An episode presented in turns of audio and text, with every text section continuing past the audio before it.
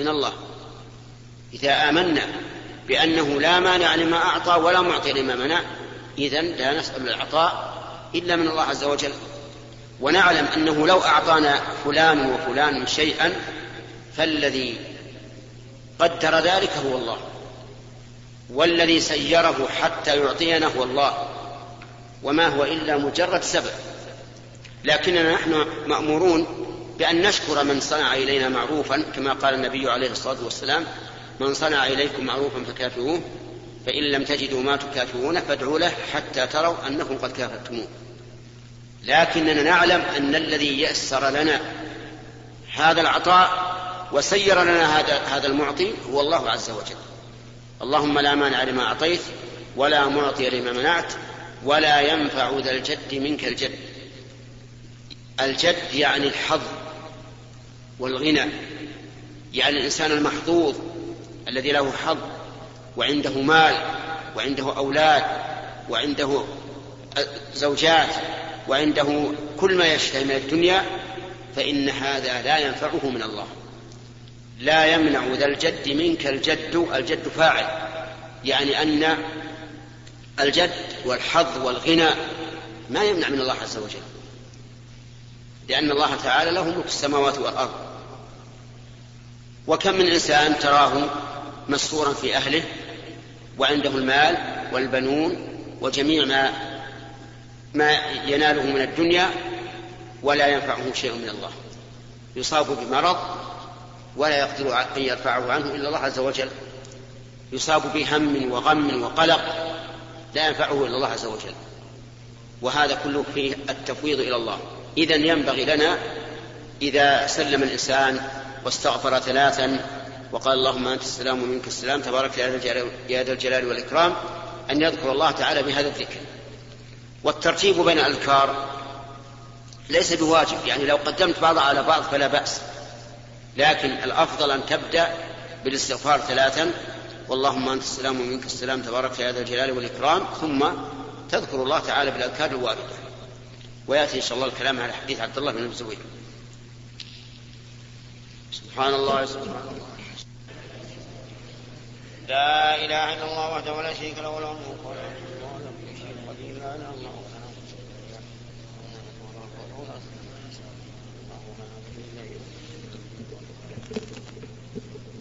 لا حول ولا قوة إلا بالله.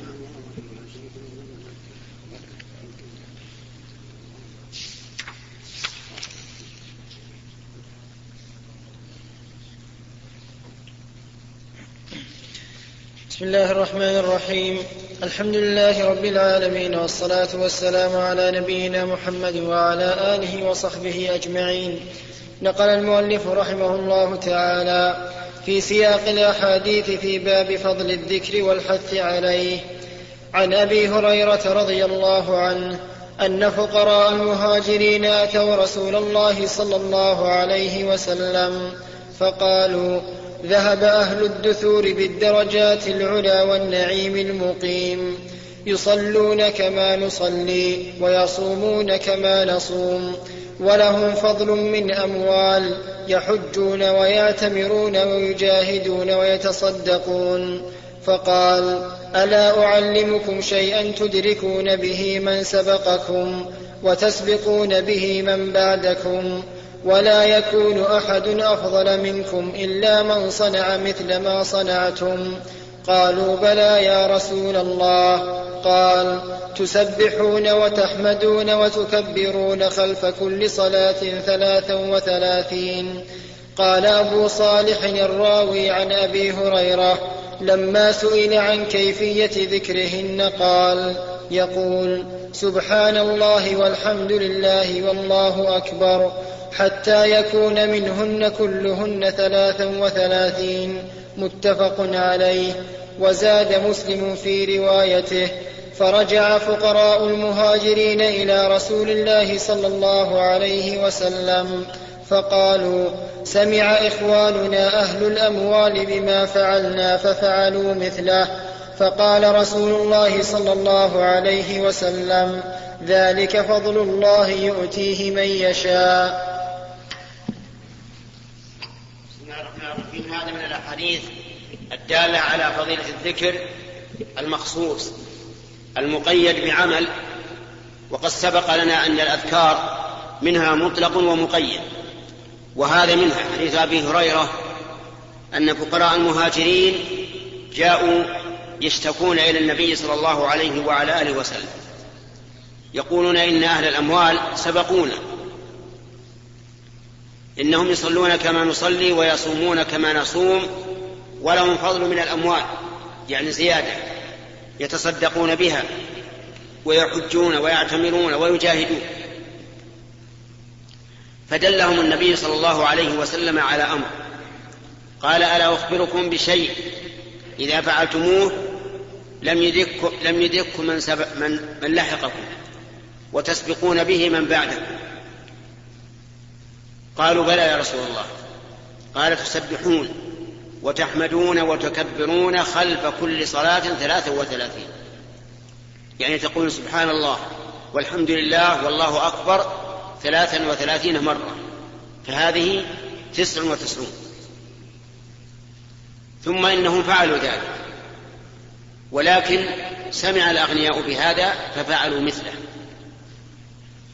فتساوى معهم في هذا الذكر. فرجع الفقراء إلى الرسول عليه الصلاة والسلام وقالوا يا رسول الله سمع إخواننا أهل الأموال بما صنعنا فصنعوا مثله. وكأنهم يريدون شيئا آخر يختصون به. فقال ذلك فضل الله يؤتيه من يشاء. ففي هذا الحديث من الفوائد أولا حرص الصحابة رضي الله عنهم على التسابق إلى الخير وأن كل واحد منهم يحب أن يسبق غيره. ومنها من فوائد هذا الحديث أن هذا الذكر سبحان الله والحمد لله والله أكبر ثلاثة وثلاثين مشروع خلف الصلوات. وقد ورد في حديث في حديث آخر أنه تكمل المئة بقول لا إله إلا الله وحده لا شريك له له الملك وله الحمد وهو على كل شيء قدير. وهذه صفة من صفات الذكر بعد الصلاة. ومن صفات الذكر بعد الصلاة أن تقول سبحان الله والحمد لله ولا إله إلا الله والله أكبر خمسا وعشرين مرة. فتكون الجميع مئة. ومن صفاته أيضا أن تقول سبحان الله ثلاثة وثلاثين. والحمد لله ثلاثة وثلاثين والله أكبر أربعا وثلاثين فهذه مئة. ومن صفاته أن تقول سبحان الله عشر مرات والحمد لله عشر مرات ولا والله أكبر عشر مرات. تفعل هذا مرة وهذا مرة لأن الكل ثبت عن النبي صلى الله عليه وعلى آله وسلم.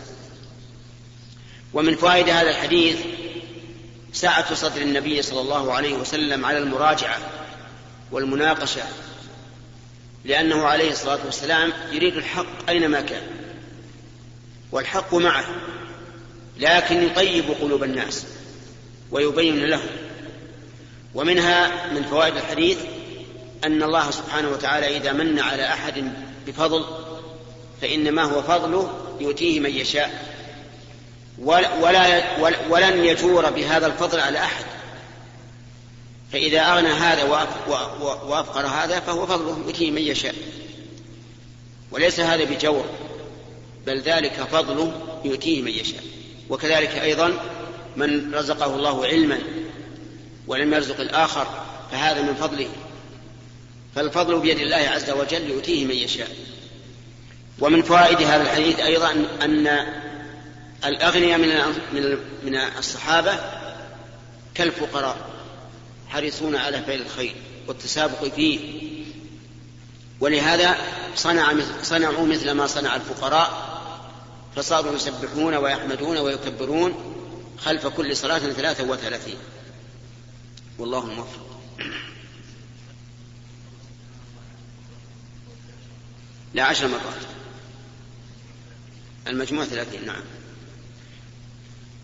نقل المؤلف رحمه الله تعالى في سياق الأحاديث في باب فضل الذكر والحث عليه.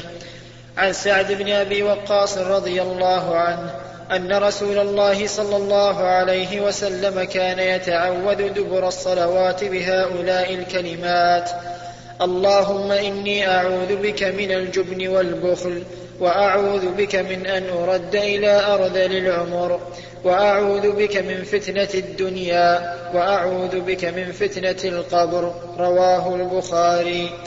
وعن معاذ رضي الله عنه أن رسول الله صلى الله عليه وسلم أخذ بيده وقال يا معاذ والله إني لأحبك. فقال أوصيك يا معاذ لا تدعن في دبر كل صلاة تقول. اللهم أعني على ذكرك وشكرك وحسن عبادتك. رواه أبو داود بإسناد صحيح. بسم الله الرحمن الرحيم. هذه من الأذكار التي تقال دبر الصلاة.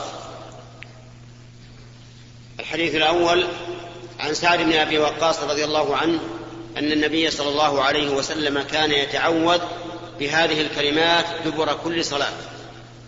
اللهم إني أعوذ بك من البخل وأعوذ بك من الجبن وأعوذ بك من نرد إلى أرض العمر وأعوذ بك من فتنة الدنيا وأعوذ بك من فتنة القبر. وكذلك حديث معاذ بن جبل أن النبي صلى الله عليه وعلى آله وسلم كان يقول دبر كل صلاة اللهم أعني على ذكرك وعلى شكرك وعلى حسن عبادتك.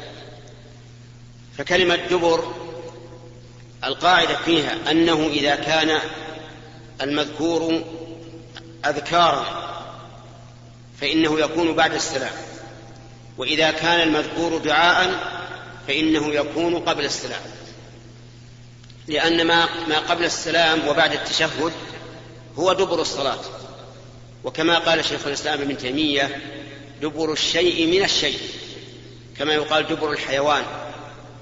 لمؤخره وعلى هذا فيكون حديث سعد بن أبي وقاص وحديث معاذ بن جبل يكون هذا الدعاء قبل أن تسلم.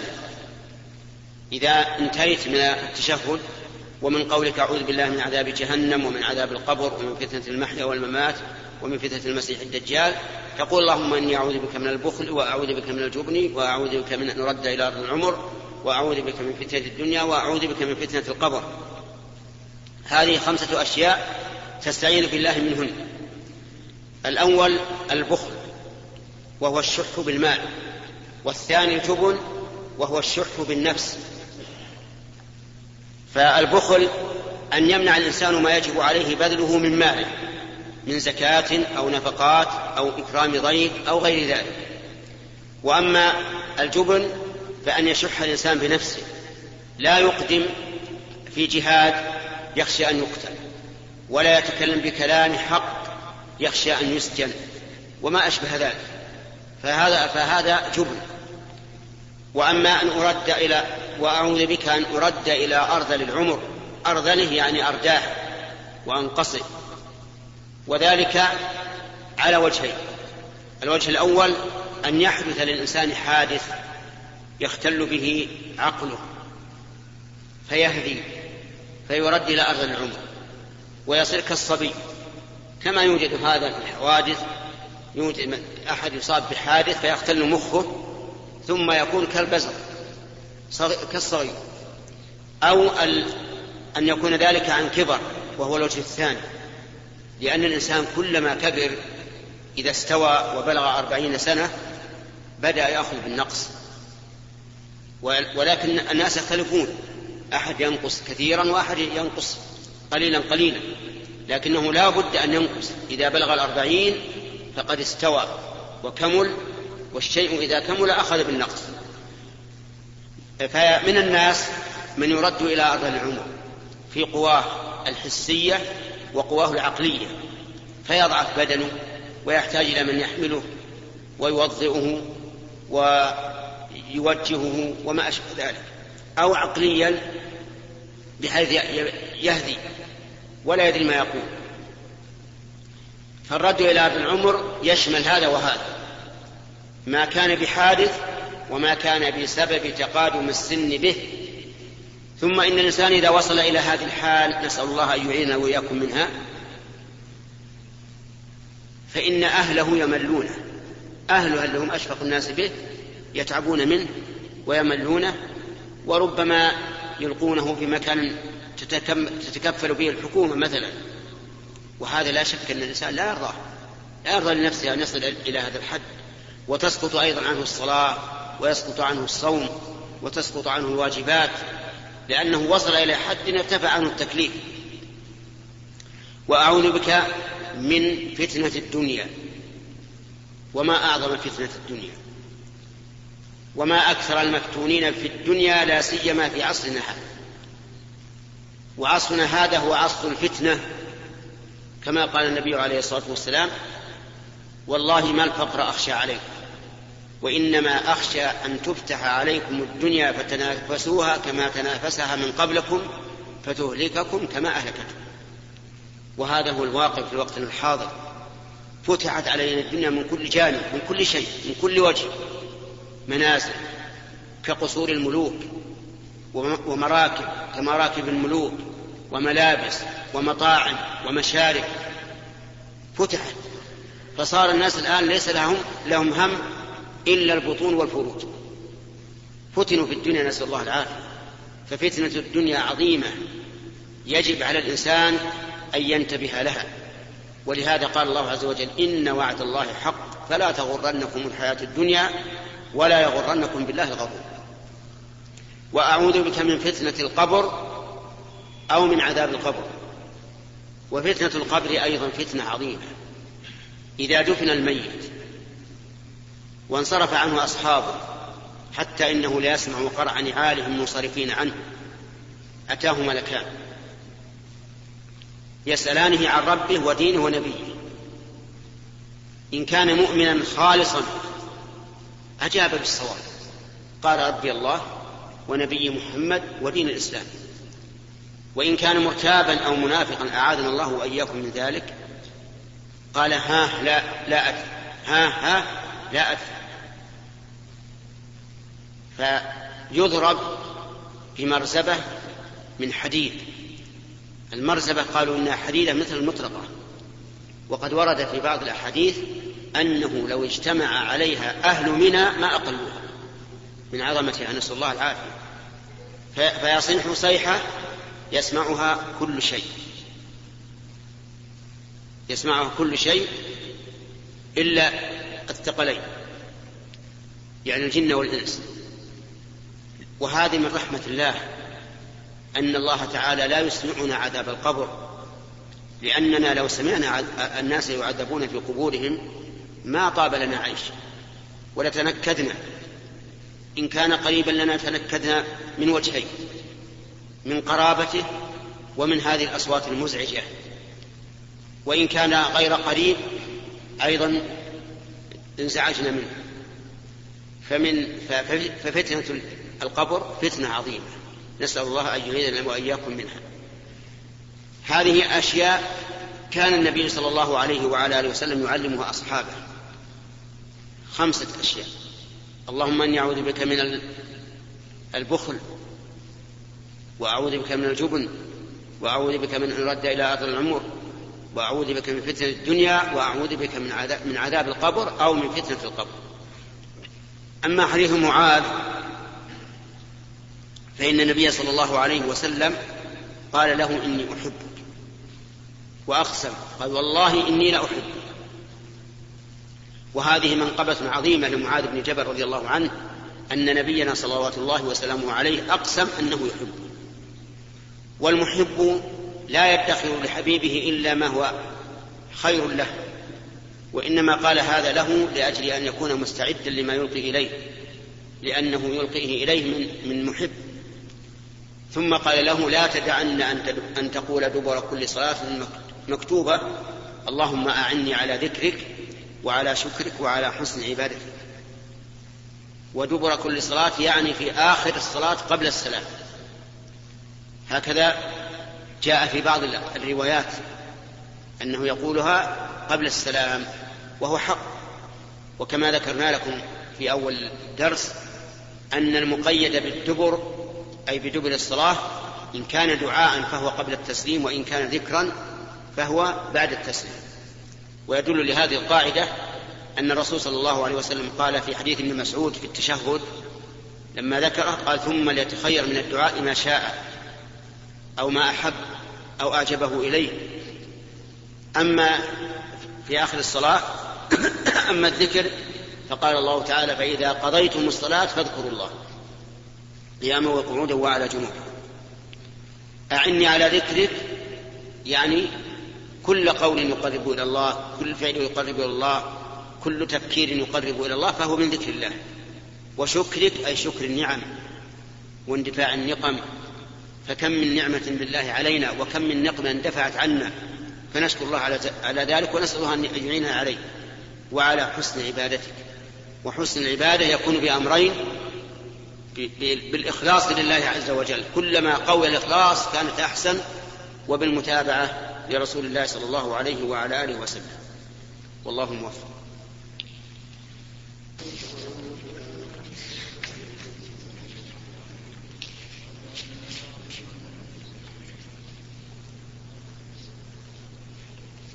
بسم الله الرحمن الرحيم. الحمد لله رب العالمين والصلاة والسلام على نبينا محمد وعلى آله وصحبه أجمعين. نقل المؤلف رحمه الله تعالى في سياق الأحاديث في باب فضل الذكر والحث عليه.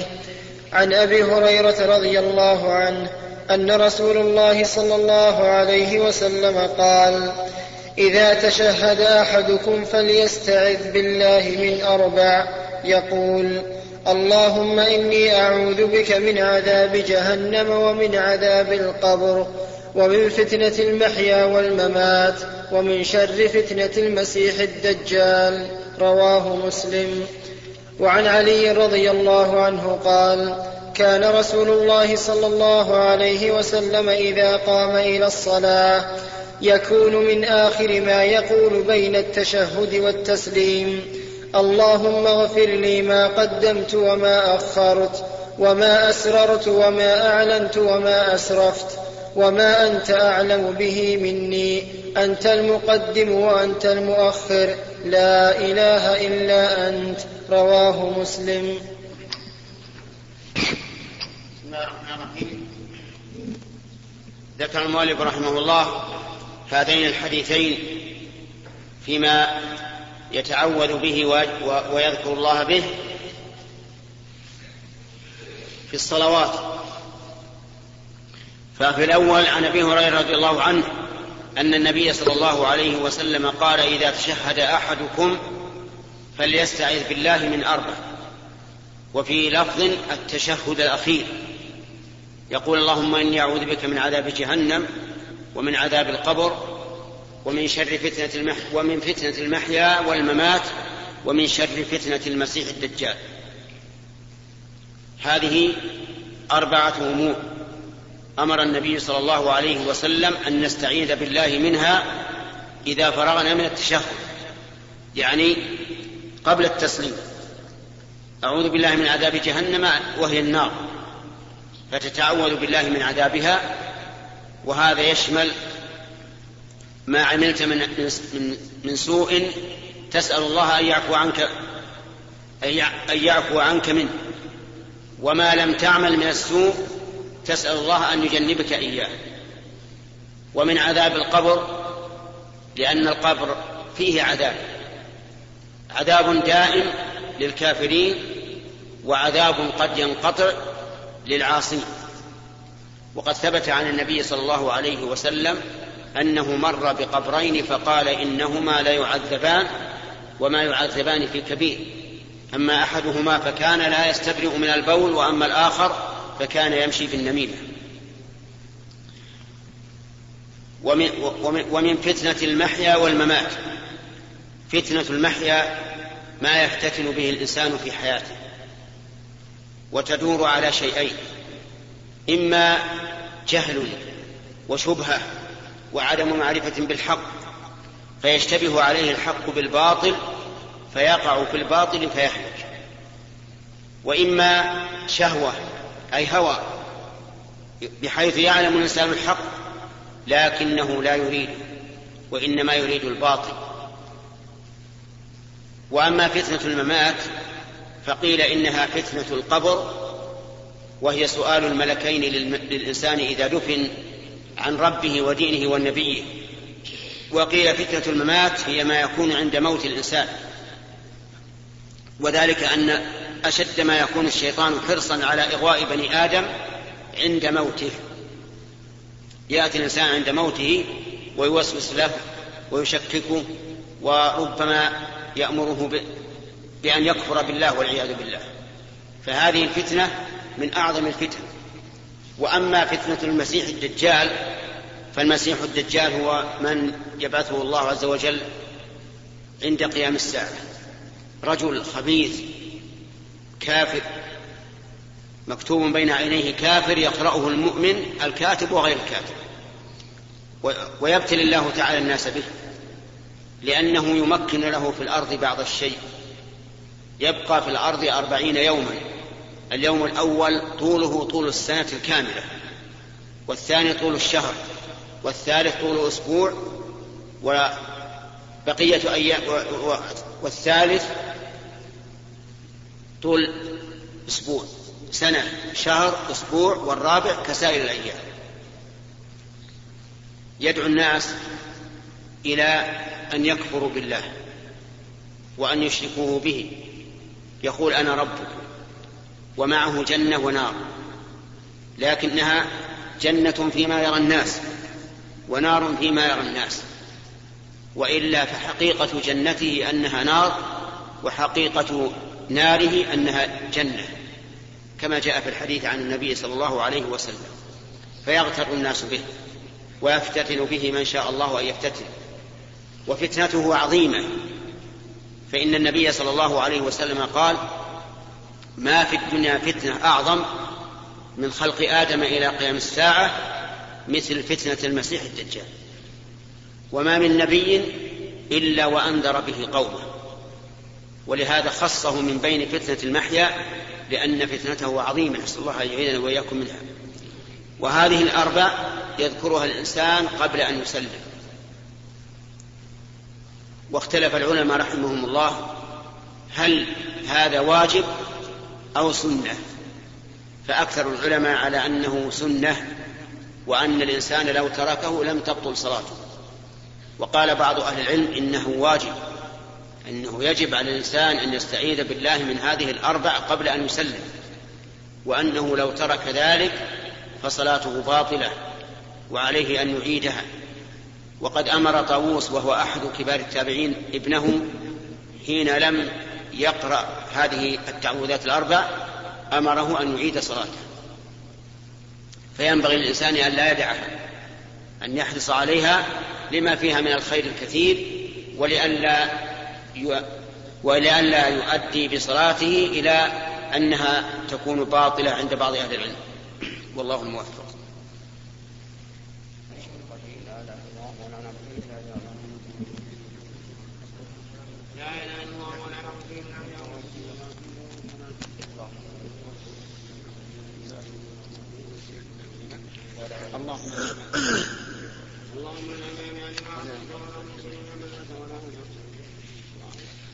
بسم الله الرحمن الرحيم.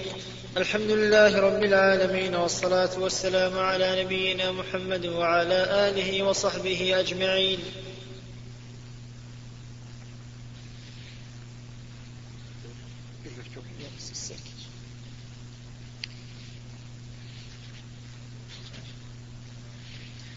نقل المؤلف رحمه الله تعالى في سياق الأحاديث في باب فضل الذكر والحث عليه عن عائشة رضي الله عنها قالت كان النبي صلى الله عليه وسلم يكثر أن يقول في ركوعه وسجوده سبحانك اللهم ربنا وبحمدك اللهم اغفر لي. متفق عليه.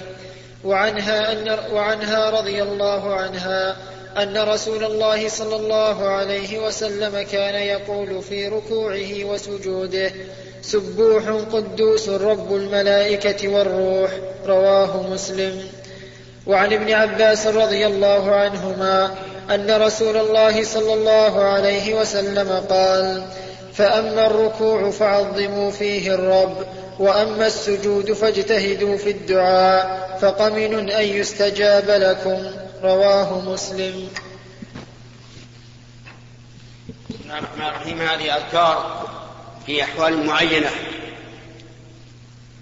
فمنها ما نقله المؤلف رحمه الله عن عائشة رضي الله عنها أن النبي صلى الله عليه وسلم كان يكثر أن يقول في ركوعه وسجوده سبحانك اللهم ربنا وبحمدك اللهم اغفر لي.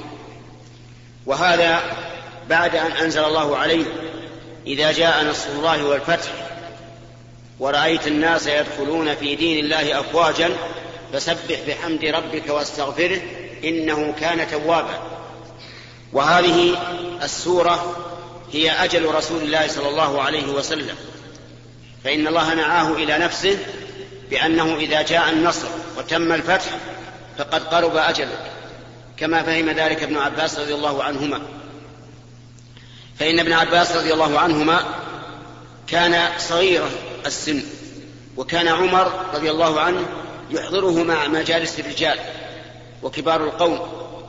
فقال بعضهم لماذا يحضر عمر بن عباس ويترك أبناءه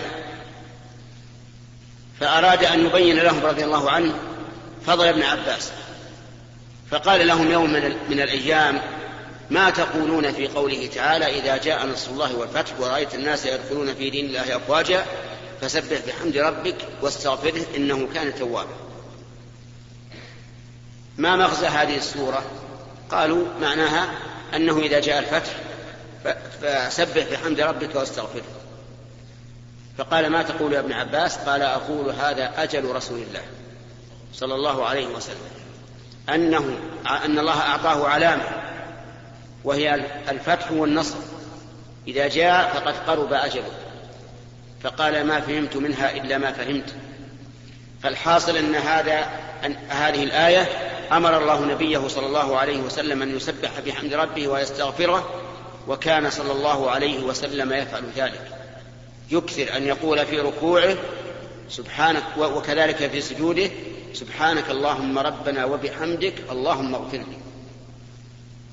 ومعنى هذا أنك تثني على الله عز وجل بكمال صفاته وانتفاء صفات النقص عنه وأن تسأله وتسأله وتسأله المغفرة. أما حديثها الثاني فقالت كان النبي صلى الله عليه وسلم يقول في ركوعه وسجوده سبوح قدوس رب الملائكة والروح. يعني أنت سبوح قدوس وهذه مبالغة في التنزيه وأنه جل وعلا سبوح قدوس. رب الملائكة وهم جند الله عز وجل عالم لا لا نشاهدهم. وأما الروح فهو جبريل وهو أفضل الملائكة. فينبغي للإنسان أن يكثر في ركوعه وسجوده من قول سبحانك اللهم ربنا وبحمدك اللهم اغفر لي. تأسيا برسول الله صلى الله عليه وسلم. وأن يقول كذلك في ركوعه وسجوده سبوح قدوس رب الملائكة والروح. أما حديث ابن عباس رضي الله عنهما فقال أما الركوع فعظموا فيه الرب وأما السجود فاجتهدوا في الدعاء. وهذا طرف من حديث أوله ألا وإني نهيت أن أقرأ القرآن راكعا أو ساجدا. فأما الركوع فعظموا فيه الرب. وأما السجود فاجتهدوا في الدعاء. فقمن أن يستجاب لكم أي حري أن يستجاب لكم لأن أقرب ما يكون العبد من ربه وهو ساجد. فالركوع لا يجوز لأحد أن يقرأ القرآن وهو راكع. ولا يجوز أن يقرأ القرآن وهو ساجد. لكن له أن يدعو بالدعاء الذي يوافق القرآن. مثل أن يقول مثلا ربنا اغفر لنا ذنوبنا وإسرافنا في أمرنا وثبت أقدامنا وانصرنا على القوم الكافرين ما في بأس. لكن أما أن يقرأ القرآن فهذا حرام عليه. أن يقرأ وهو راكع أو يقرأ وهو ساجد الركوع له التعظيم. يعظم ربه. سبحان رب العظيم. سبحان الملك القدوس. وما أشبه ذلك. السجود يقول سبحان ربي الأعلى سبحانك اللهم ربنا وبحمدك اللهم اغفر لي ويدعو يكثر من الدعاء فقمن أن يستجاب له. أي حري أن يستجاب له. وفقنا الله وإياكم لما يحبه وأرضاه سبحان الله.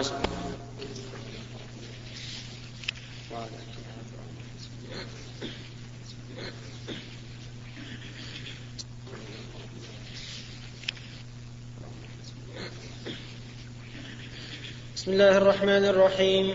الحمد لله رب العالمين والصلاة والسلام على نبينا محمد وعلى آله وصحبه أجمعين.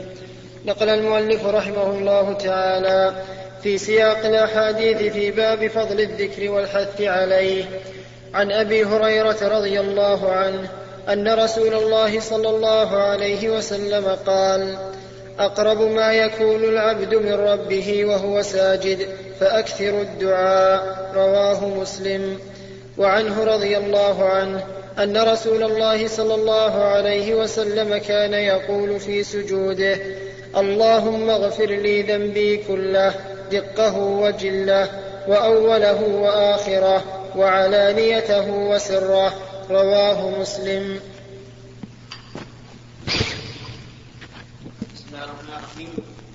هذان الحديثان في بيان دعاء وأذكار مخصوصة. ذكرها المؤلف رحمه الله في باب فضل الدعاء. فمنها حديث أبي هريرة رضي الله عنه أن النبي صلى الله عليه وعلى آله وسلم قال أقرب ما يكون العبد من ربه وهو ساجد. وذلك لأن الإنسان إذا سجد فإنه يضع أشرف ما به من الأعضاء في أماكن وطء الأقدام التي توطأ بها الأقدام التي توطأ بالأقدام. وكذلك أيضا يضع أعلى ما في جسده حذاء أدنى ما في جسده. يعني أن وجهه أعلى ما في جسده وقدميه أدنى ما في جسده فيضعهما في مستوى واحد. تواضعا لله عز وجل. ولهذا كان أقرب ما يكون من ربه وهو ساجد. وقد أمر النبي عليه الصلاة والسلام فيما سبق بالإكثار من الدعاء في حال السجود. فيجتمع في ذلك الهيئة والمقال تواضعا لله عز وجل. ولهذا يقول الإنسان في السجود سبحان ربي الأعلى إشارة إلى أنه جل وعلا هو العلي الأعلى في ذاته وفي صفاته وأن الإنسان هو السافل النازل بالنسبة لجلال الله تعالى وعظمته. أما الحديث الثاني فهو فيه أن النبي صلى الله عليه وسلم كان يقول في صلاته اللهم اغفر لي ذنبي كله دقه وجله علانيته وسره وأوله وآخره. وهذا من باب التبسط في الدعاء والتوسع فيه لأن الدعاء عبادة فكلما كرره الإنسان ازداد عبادة, عبادة لله عز وجل. ثم إنه في تكراره هذا يستحضر الذنوب كلها السر والعلانية وكذلك ما أخفاه وكذلك الدقة وجلة وهذا هو الحكمة في أن النبي صلى الله عليه وسلم فصل بعد الإجمال فينبغي للإنسان أن يحرص على الأدعية الواردة عن رسول الله صلى الله عليه وعلى آله وسلم لأنها أجمع الدعاء وأنفع الدعاء. وفقنا الله وإياكم لما فيه الخير والصلاح.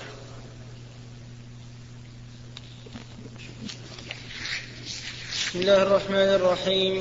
الحمد لله رب العالمين والصلاة والسلام على نبينا محمد وعلى آله وصحبه أجمعين. قال رحمه قال نقل المؤلف رحمه الله تعالى في سياق الأحاديث في باب فضل الذكر والحث عليه.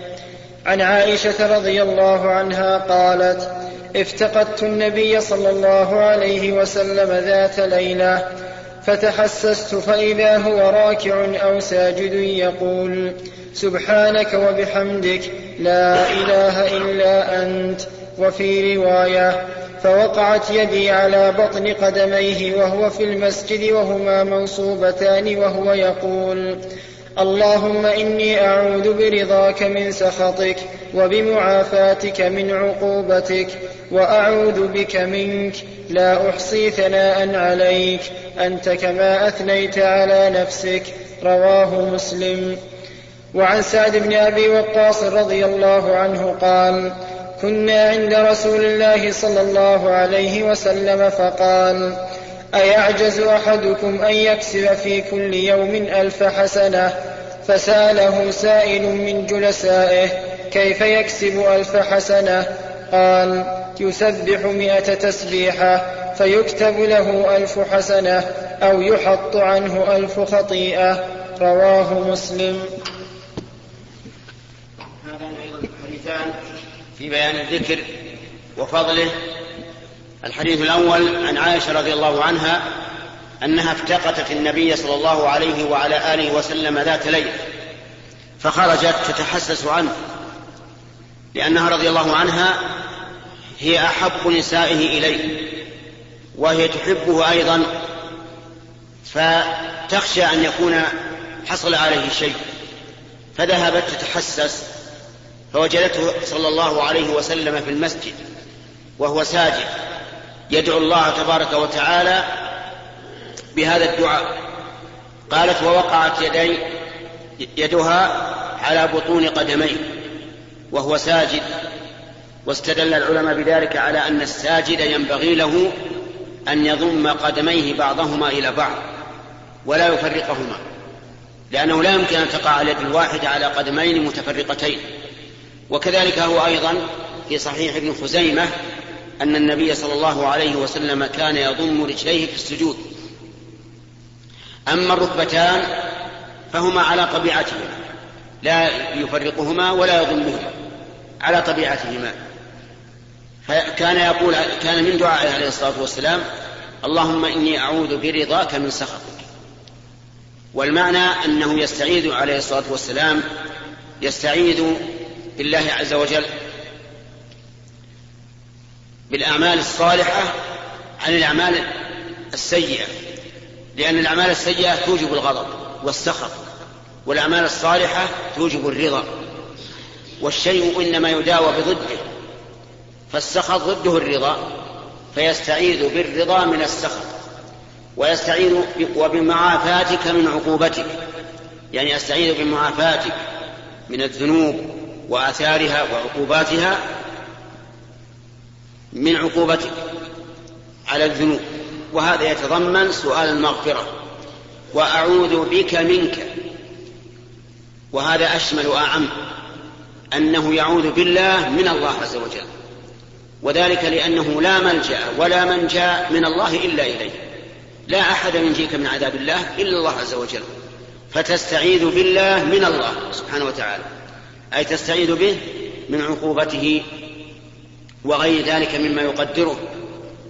فدل ذلك على ما ذكرنا من انضمام القدمين في السجود. ودل هذا على أن النبي صلى الله عليه وسلم كان يصلي أحيانا النافلة في المسجد. مع أن الأفضل أن تكون النوافل في البيت كما قال صلى الله عليه وسلم أفضل صلاة المرء في بيته إلا المكتوبة. لكنه عليه الصلاة والسلام أحيانا يصلي في المسجد يصلي النافلة في المسجد. وفيه أيضا دليل على محبة النبي على محبة عائشة لرسول الله صلى الله عليه وسلم ولا غرابة. فإنه عليه الصلاة والسلام كان كانت هي أحب نسائه اللاتي عنده ولا يسميها أحد. اللهم إلا خديجة رضي الله عنها. فإن خديجة هي أول نسائه صلى الله عليه وسلم ولم يتزوج عليها أحدا حتى ماتت. وكان يذكرها دائما اي يذكر خديجة لكن عائشة رضي الله عنها هي أحب نسائه الموجودات في عهد عائشة. فدل هذا على ان نعم. ومن فوائد هذا الحديث أن الإنسان يستعيذ بصفة الله عز وجل من ضدها بالرضا من السخط وبالمعافاة من العقوبة وأنه لا ملجأ له من الله إلا إليه فيستعيذ بالله منه تبارك وتعالى والله موفق